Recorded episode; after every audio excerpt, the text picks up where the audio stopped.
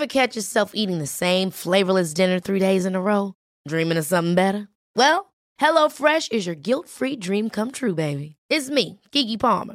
Let's wake up those taste buds with hot, juicy pecan-crusted chicken or garlic butter shrimp scampi. Mm. Hello Fresh. Stop dreaming of all the delicious possibilities and dig in at HelloFresh.com. Let's get this dinner party started. Hiring for your small business? If you're not looking for professionals on LinkedIn, you're looking in the wrong place. That's like looking for your car keys in a fish tank.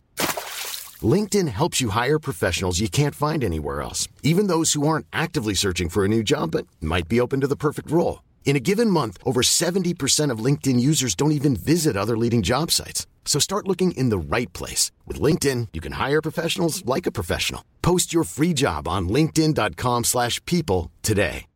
One size fits all seems like a good idea for clothes until you try them on. Same goes for healthcare. That's why United Healthcare offers flexible, budget-friendly coverage for medical, vision, dental, and more. Learn more at uh1.com.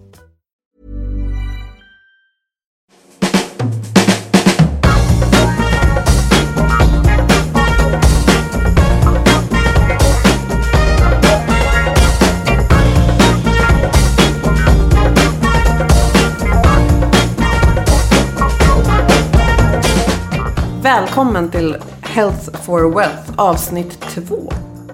Vi måste börja med att tacka för det jättefina mottagandet vår podd har fått. Otroligt kul att så många verkar ha ett intresse för de här frågorna. Och vi hoppas att ni vill fortsätta lyssna och diskutera också. Vi vill verkligen tipsa er om att följa oss både på Facebook och LinkedIn. För vi kommer ju dela intressanta artiklar och inlägg på det här ämnet, förutom att podda. Idag ska vi prata med psykologen Fredrik Bengtsson och ta reda på hur man undviker stress och utmattning. Men först är det kanske läge att presentera oss, igen. Ja, jag heter Ann-Sofie Forsmark, är hälsostrateg, civilekonom och hälsocoach. Och jag heter Boel Stier och är förläggare, kommunikatör och utbildare. Ja, i förra avsnittet då pratade vi med Jon Persson på Sygni om hur man blir en bra arbetsgivare, en bra chef, skapar en bra arbetsplats där folk både presterar och mår bra. Och vi fick med oss några riktiga bra framgångsfaktorer för den, den intervjun. Exakt. Vi kunde sammanfatta att de jobbar mycket med medarbetarinflytande. Cheferna har tid att vara chefer och bygga relationer med medarbetarna. Strukturerad feedback jobbar de också med. Precis, och man uppmuntrar till samarbete och motverkar intern konkurrens. Det är fint att fråga och dessutom så delar man lika på bonusen. Ja, men om allt det här finns då och individen ändå driver på sig själv för hårt. Hur gör man då som arbetsgivare? Och hur kan man själv bli mer uppmärksam? Vad kan man egentligen göra? Ja, för många företags själva verksamhet och affärsidé, det, det bygger på att man har drivna medarbetare som levererar på topp, tar för sig och visar framfötterna som det brukar heta. Och det är egenskaper som man efterfrågar i platsannonserna och karaktärsdrag som man ofta belönar. Och visst uppskattar alla människor som driver, skapar och presterar. Men vad händer när sådana människor, som ja, vi, vi kanske själva är exempel på, inte förstår sina egna begränsningar? Eller så förstår man då, men man inte riktigt hittar rätt förhållningssätt och balans för att hålla i längden. Man vet att det inte går att köra full gas på allt i livet, men har svårt att ändra det beteendet. Vad kan och bör företaget göra? Och vad kan vi som individer göra för att bli hållbara både på jobbet och för livet i stort? Det här ska vi prata med Fredrik Bengtsson om nu.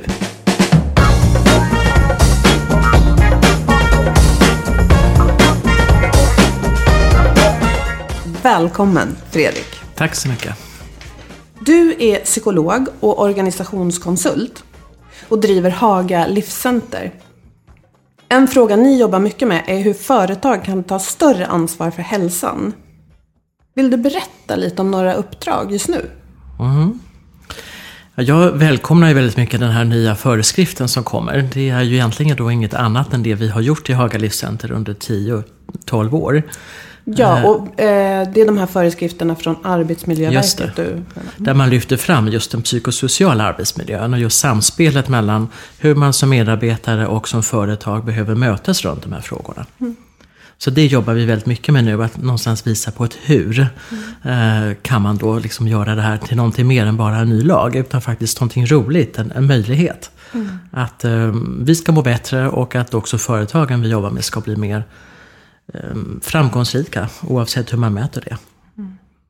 Och ni jobbar ju med det här både mot stora och små företag och även, även individer, eller hur? Ja, precis. Vi har ju alltid jobbat med liksom tre nivåer. Alltså individ, arbetsgivare, arbetsmiljö och samhälle. Jag tycker det är viktigt att förstå sammanhang, sammanhanget och det systemiska omkring hälsa och hur vi någonstans förhåller oss till saker.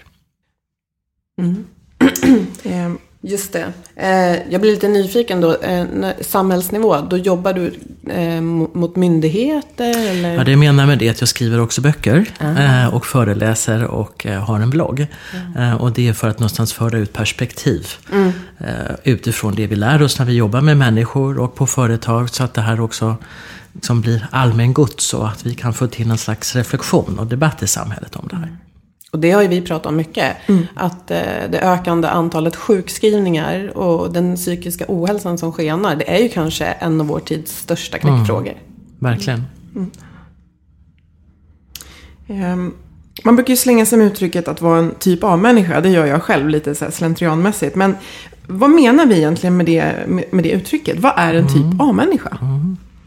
En typ av människa får ju lätt i, i det här samhället en negativ ton för att man associerar det just till alla sjukskrivningar, att man driver sig själv in i väggen och så vidare. Och då brukar jag alltid säga att det är liksom inget fel att vara en typ av personlighet. Och är man driven, man är passionerad, man vill mycket. Många människor som har den personligheten gillar idrott, gillar att tävla, gillar liksom att vara framåt på många områden i livet. Och det är ju egentligen inget problem. Men det som har hänt de senaste eh, liksom, decennierna är ju att vi har fått ett gränslöst samhälle och ett gränslöst arbetsliv. Och då brukar jag säga så här att om man håller på med idrott till exempel så är man oftast en typ av personlighet för att annars så gillar man inte att hålla på med det på högre nivå. Men då har man ju oftast en tränare eller en coach som hjälper till att sätta gränser. Som någonstans reglerar det här. Nu kan du liksom gå in och prestera på max. Och imorgon måste du ta lite lugnt. Du måste sköta din sömn, din, din kost, liksom din generella livshållning för att orka med att prestera. Och det mötet har vi ju inte på samma sätt oftast i liksom, arbetslivet. Utan där kan man liksom släppa loss den här personligheten utan att någon hjälper till att sätta gränser eller bemöta henne i det. Och det är liksom det samspelet som jag tycker är viktigt att man ser. Inte liksom att bara fokusera på att det är fel att vara en driven person. Jag tänker att eh, för hundra år sedan, en typ A-människa som kanske hade ett... eh, Ja, man stämpelklockade in och stod vid ett löpande band åtta timmar och sen gick man hem. Så då, då, då fanns det liksom begränsningar för det här beteendet. Men nu så ser ju de flesta jobb vi gör, det är, det är ju, det är ju tjänstemanna eh, jobb och serviceyrken och eh, precis som du säger, det, det är gränslöst. Liksom så. Kan du ge några liksom, exempel på vad är det som är gränslöst i vårt, i vårt arbete? Det är ju för det första hela livet tycker jag. Så det är viktigt att förstå det. Att vi har ju också en globalisering och vi har fått internet och liksom många saker som gör att ingenting någonsin stänger ner. Så att det betyder ju att vi kan någonstans eh, förkovra oss, lära oss nya saker, läsa på det vi är intresserade av. Eh, och det kan vi göra på natten eller vi kan göra det liksom när som helst. Det går också bra att jobba med mejl och annat eh, sent på kvällar, på helger, när som helst. Så att jag tror att det är liksom en oförmåga kanske att själv förstå att det är upp till mig att sätta gränser. Det finns ingenting utanför som stänger ner. Allting är alltid öppet. Allting är alltid tillgängligt. Eh, Och om min chef till exempel mejlar på kvällen så kanske det är för att det för honom eller henne är ett utrymme som är okej. Men det för mig som sitter på andra sidan och tar emot kan bli helt fel. Och därför måste man liksom förstå att det finns inte längre någon sån här generell att nu stänger allting ner. Utan jag måste hitta, när ska jag stänga ner? För att få ihop den här återhämtningsfasen som vi alla behöver. Oavsett om man då är en typ av personlighet eller har en annan typ av personlighet. Hur många typer finns det i hela, bok, hela alfabetet eller? Nej, man brukar ju prata om typ A och typ B egentligen. okej. Och det, jag tycker egentligen kanske inte att det är så relevant. Men, men det som händer i det här sammanhanget är ju att typ A-personen har utvecklat en prestationsbaserad självkänsla. Och det är viktigt att lyfta fram för att det betyder ju oftast att man ju inte klarar av att sätta de här egna gränserna. Mm. Alltså den här enorma drivkraften i kombination med att man har en självkänsla som bygger på att jag är vad jag gör. Mm. Och det betyder ju då att, att inte göra någonting betyder att jag inte får någon feedback. Ja, och då är jag ju ingen. Eller ett misslyckande betyder att jag är misslyckad. Mm. Inte omständigheterna runt omkring påverkar. Mm, mm, mm, Så det är liksom absolut viktigt att prata om typ av personligheten som ett riskbeteende. Mm. Men jag tycker man måste göra det i relation till det stöd man behöver runt omkring och som inte finns. Just det. Mm. Och vi tänkte ta det här lite systematiskt bara för att vara tydliga. Om vi börjar med individen själv. Mm vad han eller hon kan göra eller hur man kan tänka. Eh, häromdagen så skummade jag lite jobbannonser eh, inför den här intervjun. Och ett ord som verkligen återkommer ofta är driven. Mm. Eh, företag vill ha drivna människor, självgående, ord som utmaning, mm. serviceinriktad och så vidare. Så att uppenbarligen, trots att du sa tidigare att ibland så pratar vi negativt om det här och att man kan vara en typ av människa och driva sig för hårt. Så vill vi ändå ha den kreativa, passionerade och så vidare. Men om jag nu är en sån, eller kanske lyssnar och tänker oj, det är nog jag. Vad kan jag göra för att bli mer medveten och försöka hindra mig själv att köra på för hårt? För, för jag antar att en del av problematiken här är väl att man inte kanske ser det här förrän det börjar bli sent. Absolut. Samtidigt så finns det ju en ganska tydlig debatt och informationskampanj i samhället upplever jag. Så jag, jag kan ändå se de senaste bara fem åren så tycker jag att människor är mer medvetna mm. eh, generellt. Sen betyder inte det att man vet hur man ska göra. Men är det inte men så här också, jag pratar... vet att folk runt omkring mig kan bli utbrända, men oj, kan jag? Jo, fast jag kan känna, jag har till exempel ett annat företag där vi jobbar mer framåtlutat. Där det liksom inte är att man har gått i väggen. Mm. Utan mer liksom att möta människor i personlig utveckling. Och det kan jag se där då. Att det attraherar fler och fler mm. som vill någonstans mm. se till att inte hamna i obalans. Mm. Och då vill man och behöver någon typ av struktur eller hjälp för att komma framåt med det. Mm. Och ha en hållbar livsstil. Det börjar liksom ändå bli någon slags trend. Att jag vill vara hållbar.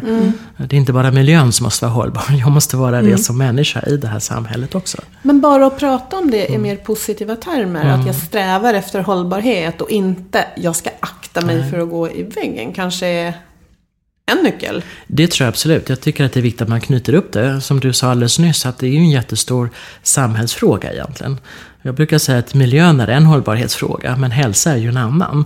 För att om inte man har en hälsa så vet ju alla som har varit sjuka eller är det, att då, då kan man ju liksom ingenting annat heller.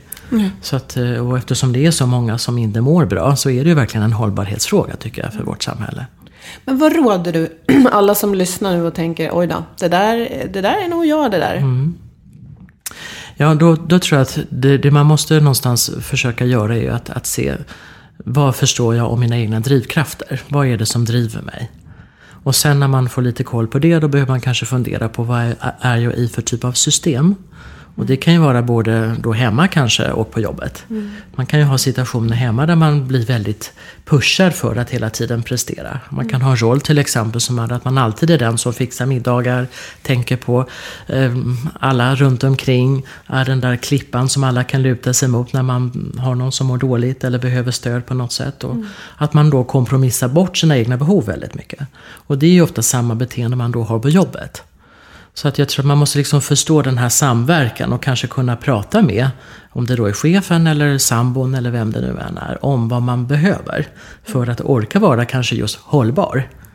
Mm. Um, och då är det ju ganska enkla saker egentligen att förstå att om, om, man tänker sig att vi tidigare hade en stämpelklocka till exempel. Ja, då visste man att okej, okay, efter den uh, tiden, då går jag hem och då är det liksom fritid. Nu finns ju inte den längre. Mm. Och då måste jag ju ändå förhålla mig till att dygnet har 24 timmar. Har inte blivit fler. Mm. Jag måste förstå att jag måste förmodligen ha någon typ av sysselsättning eller arbete. För det är ju också någonting vi mår bra av. Mm. Men sen behöver jag också sova. Mm. Och jag behöver ha en tid när man har mer en känsla av att vara fri, varva ner, göra någonting roligt. Och de flesta människor som jag möter upplever ju inte att de har den tiden. Så att om man tänker sig liksom att dygnets tre gånger åtta timmar eh, som alla människor egentligen behöver för ett balanserat liv och alltid har behövt har nu kortats ner till två dimensioner. Sen man är aktiv i aktivitet och sen ska vi försöka sova. Mm. Så förstår man liksom inte hur hjärnan påverkas och hur systemet påverkas av att vi har tagit bort hela den här lite kravlösa dimensionen i tillvaron. För den fylls med mer jobb. Den fylls med att vi kanske gör aktiviteter där vi också har en bild av att jag måste bli jättebra på det här. Mm. Eller jag måste vara superinformerad. Eller mm. vi måste göra en uh, jättespännande resa. Eller, alltså mm. allt det här som trissas upp. Utan att man kanske tänker på det. Och jag tror att sätter man sig ner och funderar över det här och pratar lite grann. Så, så tror jag ändå att den här liksom allmänna debatten hjälper till. För att det mm. finns ju inte någon som kan säga att man aldrig hört talas om utmattning eller stressens negativa konsekvenser. Så att det finns ju någon typ av mm. grund att prata kring, tänker jag.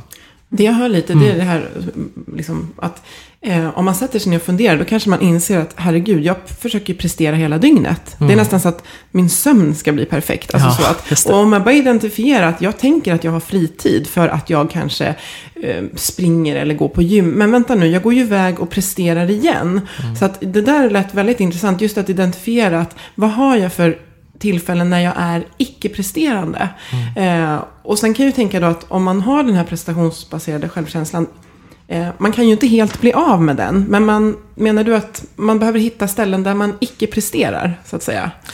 Ja, och, och där är det ju då lite olika. Där måste man komma in då på det här med upplevelser och dialog. Och det tycker jag är viktigt när man pratar också om psykosocial arbetsmiljö till exempel. Att till skillnad från den fysiska så kan man liksom inte säga att alla människor som har en viss längd till exempel, eller en viss vikt, behöver ha det på det här sättet när det Nej. gäller skrivbord eller stolar eller vad det är. Utan det som är stressande för mig kan ju vara utmanande och spännande för dig till exempel. Mm. Så man kommer inte undan det här att man måste få fram sin egen upplevelse. Precis. Så att om jag går till gymmet rummet, vilket jag själv gör till exempel, och känner att gud vad skönt det är. För mm. jag tänker inte, jag är i social interaktion hela dagarna. Mm. Så när jag går och tränar så vill jag helst inte prata med någon annan. Det är liksom min tid att mm. processa saker. Men eh, en annan person kan ju ha samma tillvaro som jag, gå till gymmet och känna att här måste jag också vara trevlig och underhålla de som alltid är och tränar på samma tid. Mm. Så att, och här måste jag också förbättra mina resultat mm. varje gång. Mm. Och om jag då liksom har arbetsdagen på det sättet och sen går jag från arbetsdagen till en sån situation så förstår ju inte hjärnan att det här är din fritid. Nej. Utan jag utnyttjar eller nyttjar, aktiverar samma dimensioner ja. eh, i mig själv som jag gör på jobbet. Mm. Och det är liksom det här som vi ännu inte har förstått. Att det är inte det liksom att vi öppnar upp någonting annat som skapar balans, utan det blir mer av samma. Mm. mm. Ja, jätteintressant. Och om man tänker själva företaget då, som, som alltså ser sig vilja ha och, och, behöva de här karaktärsdragen som vi har pratat om. Att man är väldigt driven, man tar för sig, man tar stort ansvar. Och, mm. Alltså ger man en, en typ av människa någonting att göra så, så gör ju de det och gärna lite till. Så. Mm. Um, hur kan jag som arbetsgivare fortfarande liksom tänka utifrån ett ja, lönsamhets och produktivitets perspektiv. Men, men samtidigt på något sätt förebygga, förhindra och, och, och, styra. Att vi undviker att det här att man, man skapar den här plattformen för medarbetare att, eh, att köra på på det här sättet som vi, mm. som vi precis har pratat om. Alltså, min, min åsikt utifrån att du har jobbat med de här frågorna i 12-13 år i mitt företag är ju att det perspektiv som, som ändå finns eh, i samhället, i arbetslivet då när vi pratar om det, det är ju de ekonomiska perspektiven. Mm. Och därför menar jag att det går inte att eh, lösa de här frågorna bara för att det kommer en ny arbetsmiljölag till exempel. Utan man måste förstå hur tonar man in sig på ekonomin i det här. I mitt perspektiv är man då inne igen i det här, vad är en hållbar ekonomi? Och när man pratar om det finns ju ingen motsättning till vad är en hållbar hälsa? Så man måste få de här frågorna liksom att hänga ihop. Eh, och då tänker jag att om, om, man, om man tänker sig att man vill, vilket ju alla företag vill, hitta liksom, mer produktiva situationer, man vill öka lönsamheten, konkurrenskraften, vad man nu har för mål. Och man inser att förutsättningarna för det är att människor någonstans har en hjärna som fungerar. Mm. Därför att de flesta jobbar ju inte längre vid löpande band. Utan man jobbar med sin personlighet och sin hjärna. Mm. Man processar information, man måste vara hela tiden ganska klar så att man inte gör några misstag. Man måste kunna vara säljande, knyta mm. relationer. De flesta yrken innebär de här dimensionerna idag. Och förstår man då att för att kunna klara av att, att vara produktiv när det gäller de här egenskaperna så måste man ha ett liv där man lever i balans. Annars så kan jag klara det kortsiktigt, men inte långsiktigt. Och de flesta företag vill ju inte byta ut personal hela tiden utan man vill ju utveckla sin personal och någonstans hitta liksom en stabilitet i det. Mm. Så att jag tror att där finns liksom ingången någonstans att prata om hur, hur ser affärsmålen ut och hur hänger de ihop med de här frågorna? Eh, och vad betyder det då för ledarskapet till exempel? Precis, för att då kommer man ju in på ledarskapets betydelse, tänker jag. Både ledare som förebilder, men även ledare som förstår att kunna hantera de här drivna personerna på ett sätt som man gör exempelvis inom idrott. Att man mm. talar om att nu har du kört på för hårt. Eller du har eh, inte levt på ett bra sätt så att det, är inte möjligt för att vara med på den här matchen. Eller mm. Eh, nå det här målet. Utan nu får du sitta på avbytarbänken eller mm. liksom sitta och vänta tills nästa match. Den typen av dialog måste man ha. Det var ju en intressant liknelse som inte jag har hört förut. Att tänka på sig då som ledare som en coach. Ja, alltså jag, jag tycker att det är ett mer, ett mer positivt anslag. Att man, mm. att man liksom inte problematiserar och ser att det är negativt att ha drivna personer på jobbet. Mm. Och de flesta chefer är ju själva på det viset. Mm. Så att jag tror att det handlar mer om att man förstår hur ska man använda den drivkraften på ett positivt sätt. Mm. Och jag har många exempel på personer som jag träffar. Så bara man förstår det här och får lite hjälp att styra upp det så kan det funka jättebra. Mm. Mm. Precis, jag sa coach tidigare, jag vill bara betona att jag tänkte idrottstränare ja, då och ingenting annat. Men just att, för då kan, kanske det kan vara lättare att se de här tydliga strukturerna. Ja. Nu behöver du gå hem, mm. eller ja, så här kan vi organisera saker och ting. Du talade tidigare om upplevelse och behov, att mm. det är mm. viktigt. Att då gissar jag för att vara en bra ledare så behöver man lära känna sina medarbetares upplevelser och behov. Och för det måste man ju prata. Just det. Det finns inget annat sätt. Mm. Och man måste också känna sig själv. Så att det, är ju en helt ny typ av ledarskap som vi ser framför oss om vi ska komma till rätta med de här frågorna. Mm. Och det är också en utmaning för att många ledare i stora organisationer och som är små har ju nått sin framgång, sin karriär för att de har varit duktiga på att sälja eller skapa resultat. Mm. Och ibland är det en annan typ av personlighet än att vara mer människoorienterad. Mm. Och jag skulle säga att det, det går inte riktigt att få det här att fungera om inte man har det intresset i grunden. Och jag tänker om man är där och ser att nej, jag är inte relationsmänniskan så kanske man kan knyta till sig fler att leda tillsammans med. Absolut, delat ledarskap kan vara jättebra. Mm. mm. Att man lyfter fram att man har olika styrkor och överhuvudtaget att man tänker att man ska inte, helst inte ha som samma typ i en arbetsgrupp eller på en mm. arbetsplats. Utan alla, all forskning, alla studier visar att olikheter är bra. Mm. Sen kan det vara mer utmanande. Och, men om man kan då lyfta fram varandras styrkor och visa hur det här kompletterar vartannat. Att ha extroverta, introverta, att, att ha de som är mer specialister och andra som är mer människoorienterade. Det är ofta det som skapar harmoni och balans. Mm.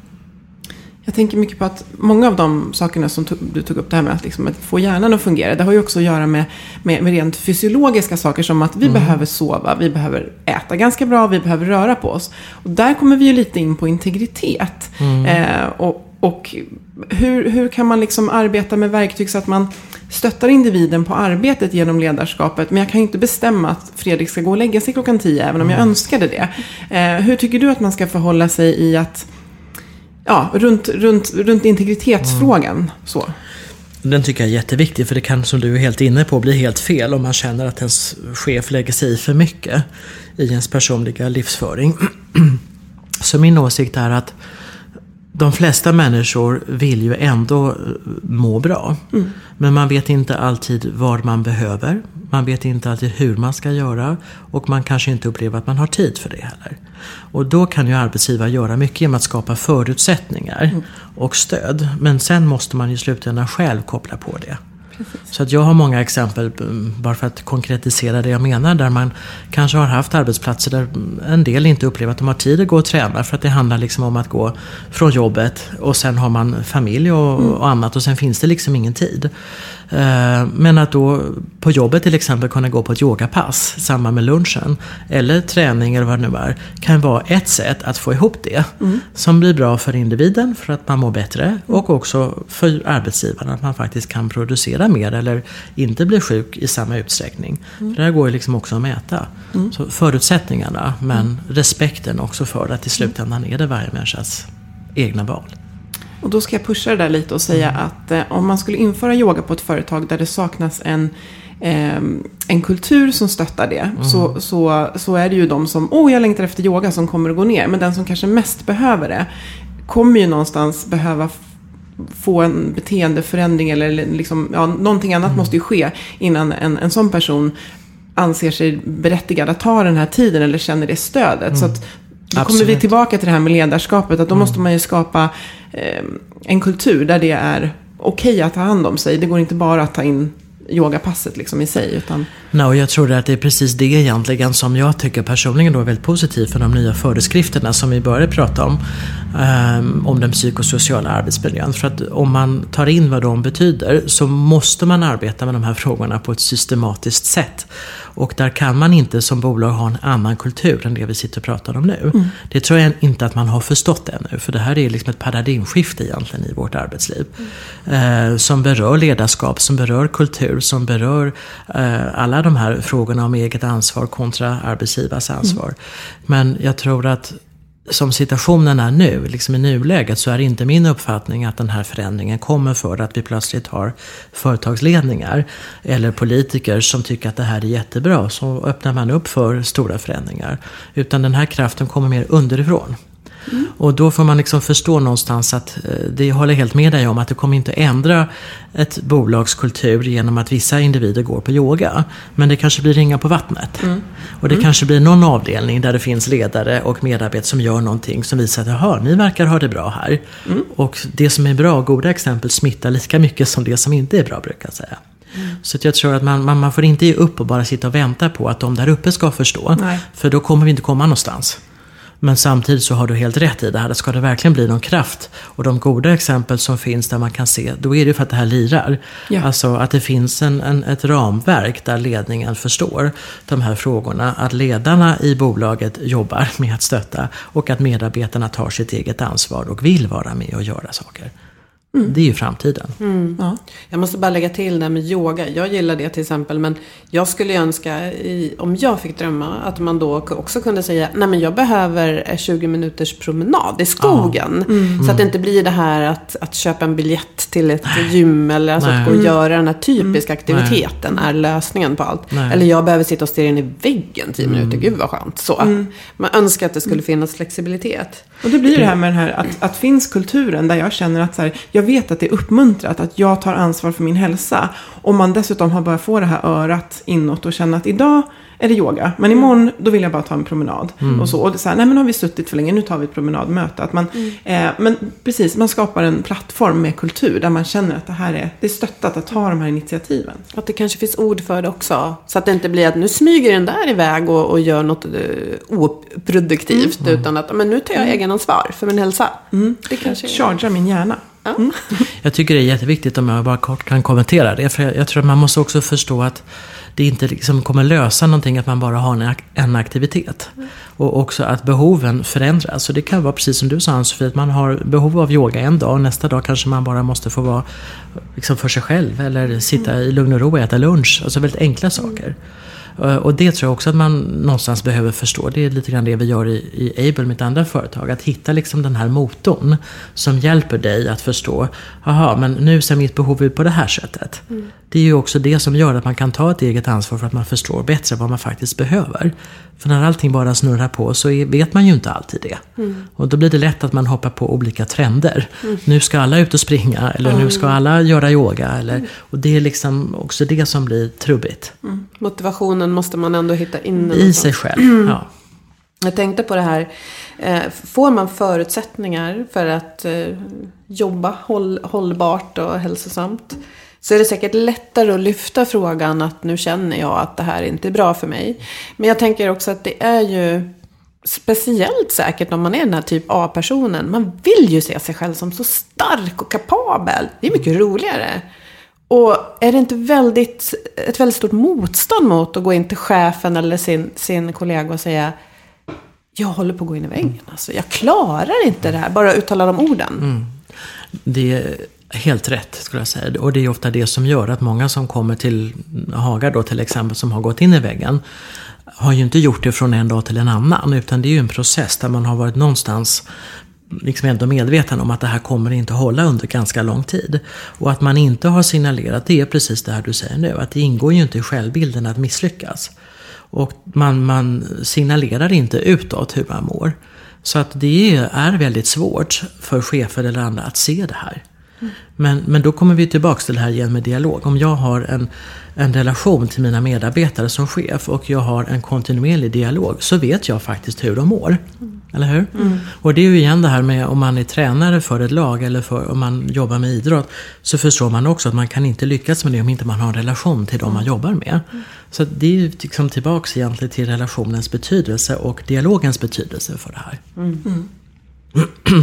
Har man den så kan man bättre ta eget ansvar för att man vet att man blir respekterad och att det till och med uppmuntras. Det. Mm. Och det finns sådana exempel. Jag har sådana exempel som jag tycker är jättebra där cheferna kan påverka det här jättemycket. Där kanske finns medarbetare som vill mörka sina övertidstimmar för att de är så drivna och vill mm. så mycket. Men, men den drivkraften kan man liksom också ofta styra upp. Och man förstår att, aha, nu är målsättningen här att bli hållbar. Mm. Nu vill jag bli bäst på det. Ja. Då kan man bli bäst på det. Mm. Förstår ni vad jag menar? Att det är också mm. liksom hur man påverkar och styr beteenden. Mm. Ja, för det är, väl, det är väl nästa fråga. Har du några konkreta exempel på där man har eh, om man säger, angripit det här, det här mm. med, med liksom kultur. Bra exempel där man har fått mm. till en, en liksom både hållbar och lönsam eh, mm. arbetsmiljö och kultur på, på företag. Och, och vad, vad har man gjort? Ja, det finns eh, några jättespännande företag som eh, jag tycker har förstått det här lite grann. Vad, vad, vad, handlar, liksom, vad handlar tiden som vi lever om nu? Eh, där man någonstans då förstår mer till exempel om det här. Om jag ska kunna leda mina medarbetare så att de blir produktiva. Mm. Och deras arbete betyder att de måste använda sig själva, sin personlighet, sin hjärna och så vidare. Då måste jag se till att de får vila och återhämtning exempelvis. Eller får lov att jobba hemma ibland eller liksom skapar ett utrymme. Det är ju helt i linje liksom med egentligen vad som skapar då produktivitet och hälsa och lönsamhet idag. Det här betyder ju ofta att man då måste styra om olika modeller. Så att jag har exempelvis eh, en företagskund som har gjort väldigt mycket när det handlar om att ställa om säljprocesser. Där mm. liksom man tidigare exempelvis då um, gjorde sin karriär och man fick bonus och annat för att man var den som sålde mest oavsett på vilket sätt man sålde. Och sen börjar man inse att marknaden där ute har ju förändrats. Så att kunderna efterfrågar ju etik, moral, man vill känna att man får ett personligt möte och att en säljare av försäkringar eller annat gör någonting som är bra för mig. Inte för att lura mig eller mm. få mig att placera mina pengar på något sätt som inte är bra. Så att genom att lite mm, ställa om det här och mer utvidga och se att okej, okay, att sälja mycket och bra, det är ju fortfarande viktigt med siffror. Men om du gör det och också visar på att du tänker på andra i arbetsgruppen, mm. Eh, liksom nyttjar en del av annan kompetens som finns här. Att du kan redovisa varför du har sålt på det här sättet och din egen hälsa till exempel i termer av sjukdagar eller upplevt mående och olika dimensioner. Då blir liksom den kombinationen det som gör att man får bonus det här året. Mm.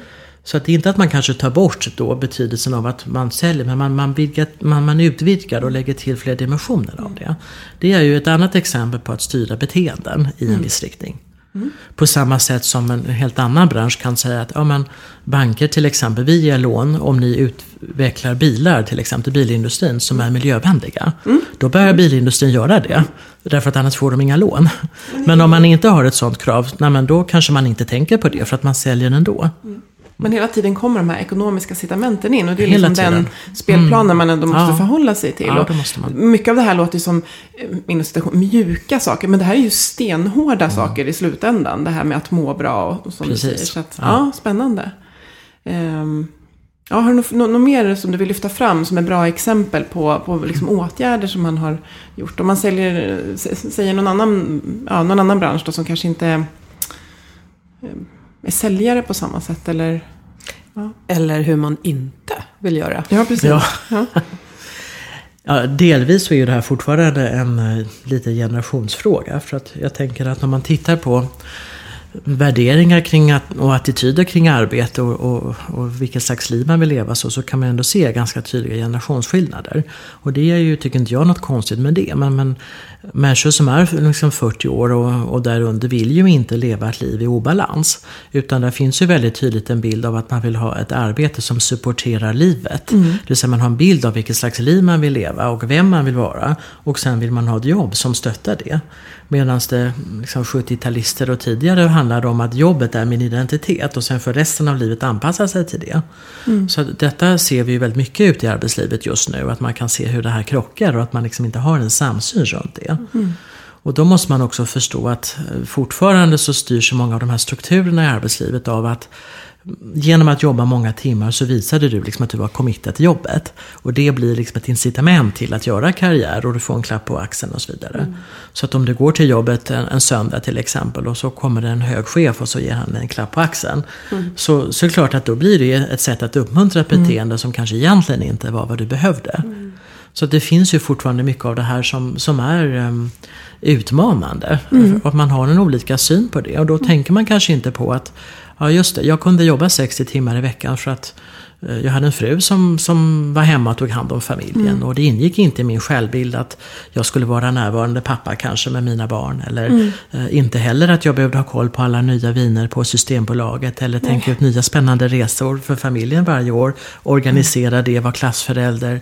Alltså, det har adderats till så många dimensioner som gör att livets förutsättningar nu när man har ett ett arbete ser inte ut som det gjort tidigare. Nej. Och därför kan man liksom inte översätta den formen till Nej. det liv vi lever nu. Mm. Och här tror jag man liksom går snett lite grann. Inte för att man vill illa, men för att man inte riktigt förstår. Man pratar lite olika språk. Man pratar mm. olika språk, man möts inte i det. Man är inte medveten om de här frågorna på, på det sätt man skulle behöva vara tror jag. Mm. mm.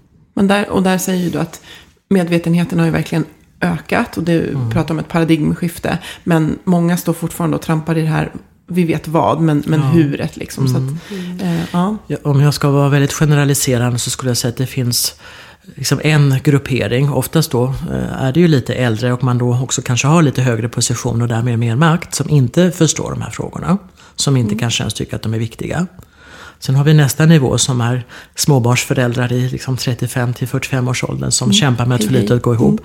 Som tycker att det här är jätteviktigt och som lever med väldigt stora värderingskrockar som gör att man går sönder av den anledningen. Att man liksom inte, att man, man vill en sak och man lever på ett annat sätt och mm. ser inte huret för att man, att man styrs av det här att leverera till systemet uppåt som går i en annan mm. riktning. Mm. Och sen har du nästa generation som då är ganska nyblivna i arbetslivet som protesterar mot det här. Mm. Som inte vill ha det livet, som byter jobb väldigt ofta eller så håller man inte i de här systemen och på olika sätt revolterar mot att eh, det här livet känns inte attraktivt.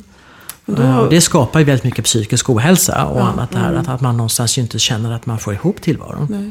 Och då kommer vi nästan tillbaka till det här med att jag tror att vi alla kan skapa oss ett förhållningssätt till ordet hållbar. Att liksom, om jag ska vara hållbar, vad, vad behöver jag då? Eh, och det är liksom det som vi har mm. diskuterat idag. Just att, ja. Jag hittade ett tretal som jag tyckte om. Se vad du tycker om det Fredrik. När du pratade om det här, vad, vad gör man i det gränslösa samhället? Det var ju där vi började. Och, och då tänkte jag, okej, okay, reflektion behövs ju för att man ska kunna se sig själv och sin roll i det här. Eh, och sen när man har reflekterat så behöver man struktur, för du pratar mycket om dygnets 24 timmar som inte har utökats eh, de senaste 100 åren. Eh, och så behöver man support, mm. både hemma och på jobbet. Mm. Det mm, kanske man kan skicka med. Det tror jag, så att det liksom inte blir ytterligare att det bara är upp till mig nu. Nej. Utan det är utmanande och det är viktigt att, att liksom trycka på att det är ett paradigmskifte. Mm. Och då förstår man om man använder det ordet att det är mm. ingen liten förändring. Nej. Utan vi håller på att gå in i liksom en ny tidsera egentligen. När vi behöver hitta helt nya förhållningssätt till ett gränslöst samhälle. Ett samhälle där vi använder oss av oss själva på ett annat sätt. Och vad betyder det för hur vi lägger upp vårt liv? Mm.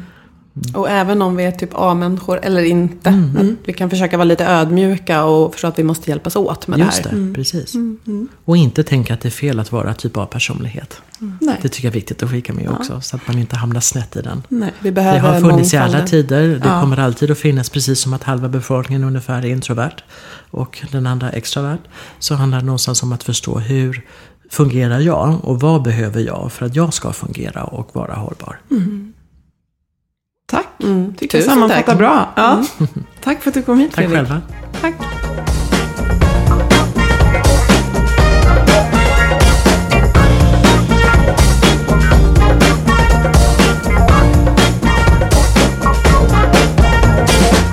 Det var intressant att lyssna på Fredrik. Väldigt.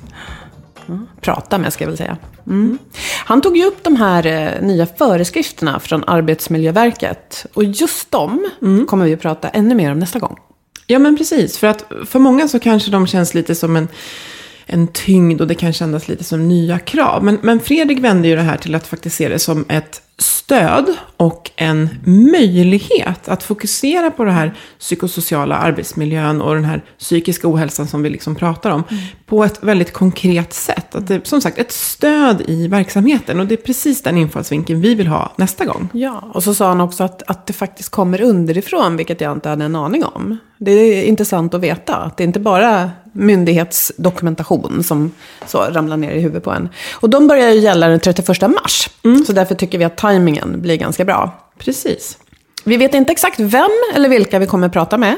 Men Nej. då vet ni temat. Vi vet temat, precis. Och eh, ni får gärna följa oss tills dess i våra sociala medier. Ni hittar oss på Facebook, Health for Wealth, LinkedIn, samma sak, Health for Wealth och på vår hemsida, healthforwealth.se. Och vi vill rikta ett stort tack till Agda Media för den här produktionen.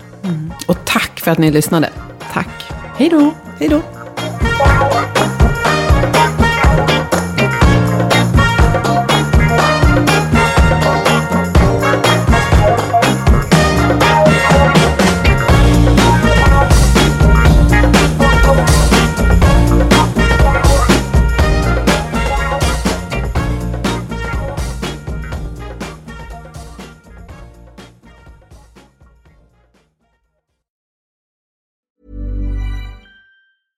Hey, it's Paige DeSorbo from Giggly Squad. High quality fashion without the price tag. Say hello to Quince.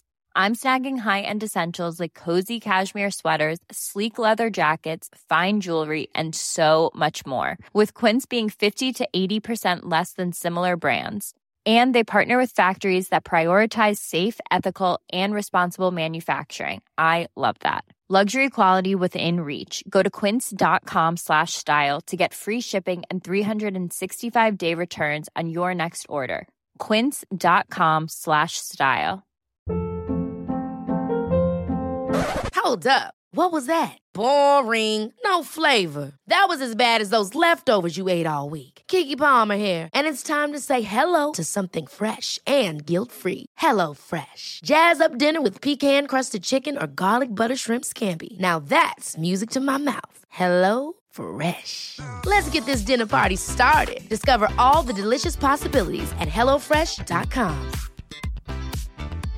Hey, it's Paige DeSorbo from Giggly Squad. High quality fashion without the price tag. Say hello to Quince. I'm snagging high-end essentials like cozy cashmere sweaters, sleek leather jackets, fine jewelry, and so much more. With Quince being 50 to 80% less than similar brands. And they partner with factories that prioritize safe, ethical, and responsible manufacturing. I love that. Luxury quality within reach. Go to quince.com slash style to get free shipping and 365 day returns on your next order. Quince.com slash style.